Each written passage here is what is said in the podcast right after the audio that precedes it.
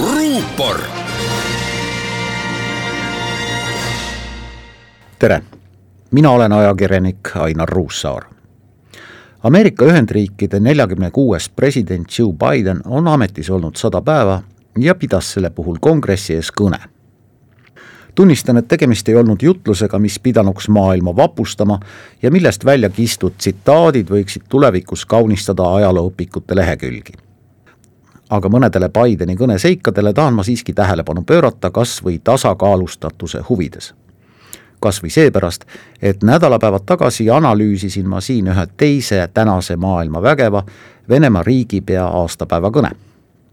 ära iial, ütle iial aga ilmselt ei saa Ameerikast ja Venemaast kunagi selliseid liitlasi, nagu roosade prillidega maailmakaarti vaatavad inimesed võib-olla uskuda tahaksid. Selleks on neil mõlemal liiga võimsad ambitsioonid, liiga erinevad väärtused, liiga erinev ajalugu ja sellest tulenevalt erinev kultuur. paremal juhul saavad need riigid teineteisega teatud piirides arvestada, aga ilmselt mitte kunagi teineteist armastada tuhande üheksasaja kaheksakümne seitsmendal aastal läks ajalukku USA tollase presidendi Ronald Reagani ütlus härra Gorbatšov, kiskuge see müür maha. Laguneva Nõukogude Liidu liidrile selgelt ebamugavust valmistanud sõnad läksid täide kaks aastat hiljem, mil koos Berliini müüriga lagunes kommunistlik süsteem. täna on erinevad müürid ülekantud tähenduses kerkinud hoopis mujale ja nende mahakiskumise üleskutse on endiselt asjakohane Ameerika riigipea pühendas oma tänases kõnes mitu pikka lõiku Hiinale ja Venemaale.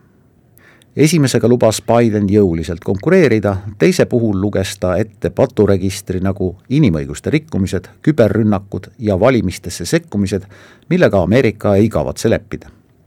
me ei otsi konflikti, kuid me ei kavatse ka järele anda, kinnitas president Putinit nimeliselt mainides ütles Ameerika riigipea, et tema tegevusel on tagajärjed mõistagi olid aga Bideni kõne peamised mõtted suunatud ameeriklastele. Viirus ja sellega võitlemine oli üks neist. president ei jätnud mainimata, et just viimase saja päeva edusammud on olnud Ameerika ajaloo üks suurimaid logistilisi saavutusi. ta julgustas ameeriklasi lubadusega toetada haridust ja suurendada keskklassi, keda peetakse stabiilsete ühiskondade vundamendiks sain eelmiselt presidendilt päranduseks kriisis oleva rahva, ütles Biden oma eelkäijale Donald Trumpile viidates. Kuid nüüd liigub riik taas jõudsalt edasi ja muudab raskused ressursiks, lubas president. Biden kordas ja kinnitas, et keskklassi maksukoormus ei kasva, kuid korporatiivne Ameerika ja kõige rikkam üks protsent ameeriklasi hakkavad oma õiglast osa maksma. ehk siis rohkem maksma Biden tunnistas muuhulgas probleeme, millega tuleb rinda pista.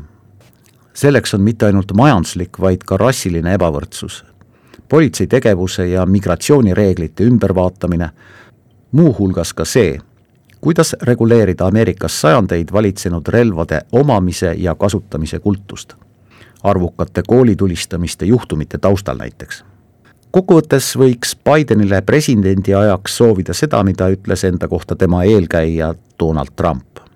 kui sa juba nagunii mõtled, siis mõtle suurelt. ruupor Thank you.